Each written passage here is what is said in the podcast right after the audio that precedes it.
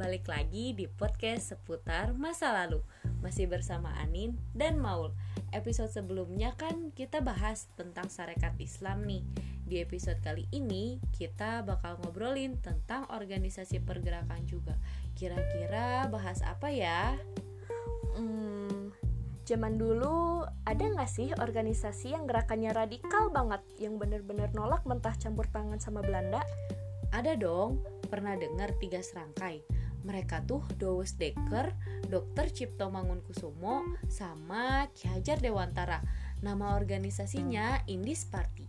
Organisasi ini secara terang-terangan banget melakukan kritik kepada pemerintahan Belanda dan menuntut kemerdekaan Indonesia.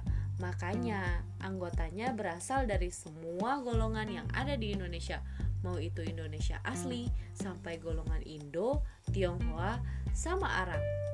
Wah, makin berani. Berarti kalau makin berani, semakin kuat juga ya. Makin cepat dong lawannya. Eh, belum. Kritik mereka ini terlalu keras sampai dapat pengawasan ketat dari pemerintah Belanda. Bahkan, permohonan organisasi ini jadi badan hukum ini ada ditolak. Tahu salah satu karya dari IP? Hmm, yang seandainya saya seorang Belanda, tulisannya Ki Hajar Dewantara yang isinya tuh sindiran keras atas ketidakadilan di daerah jajahan yang Belanda pakai dana dari rakyat Indonesia buat perayaan 100 tahun kemerdekaan Belanda dari Prancis kan? Benar, karena tulisan tadi dianggap mengganggu ketertiban. Ketiga pemimpin ini sampai ditangkap dan diasingkan ke Belanda loh. Pada akhirnya, IP jadi organisasi terlarang. Oh iya, ketika mereka diasingkan ke Belanda, mereka ini semakin mendorong keberadaan Bumi Putra untuk memperjuangkan hak-haknya.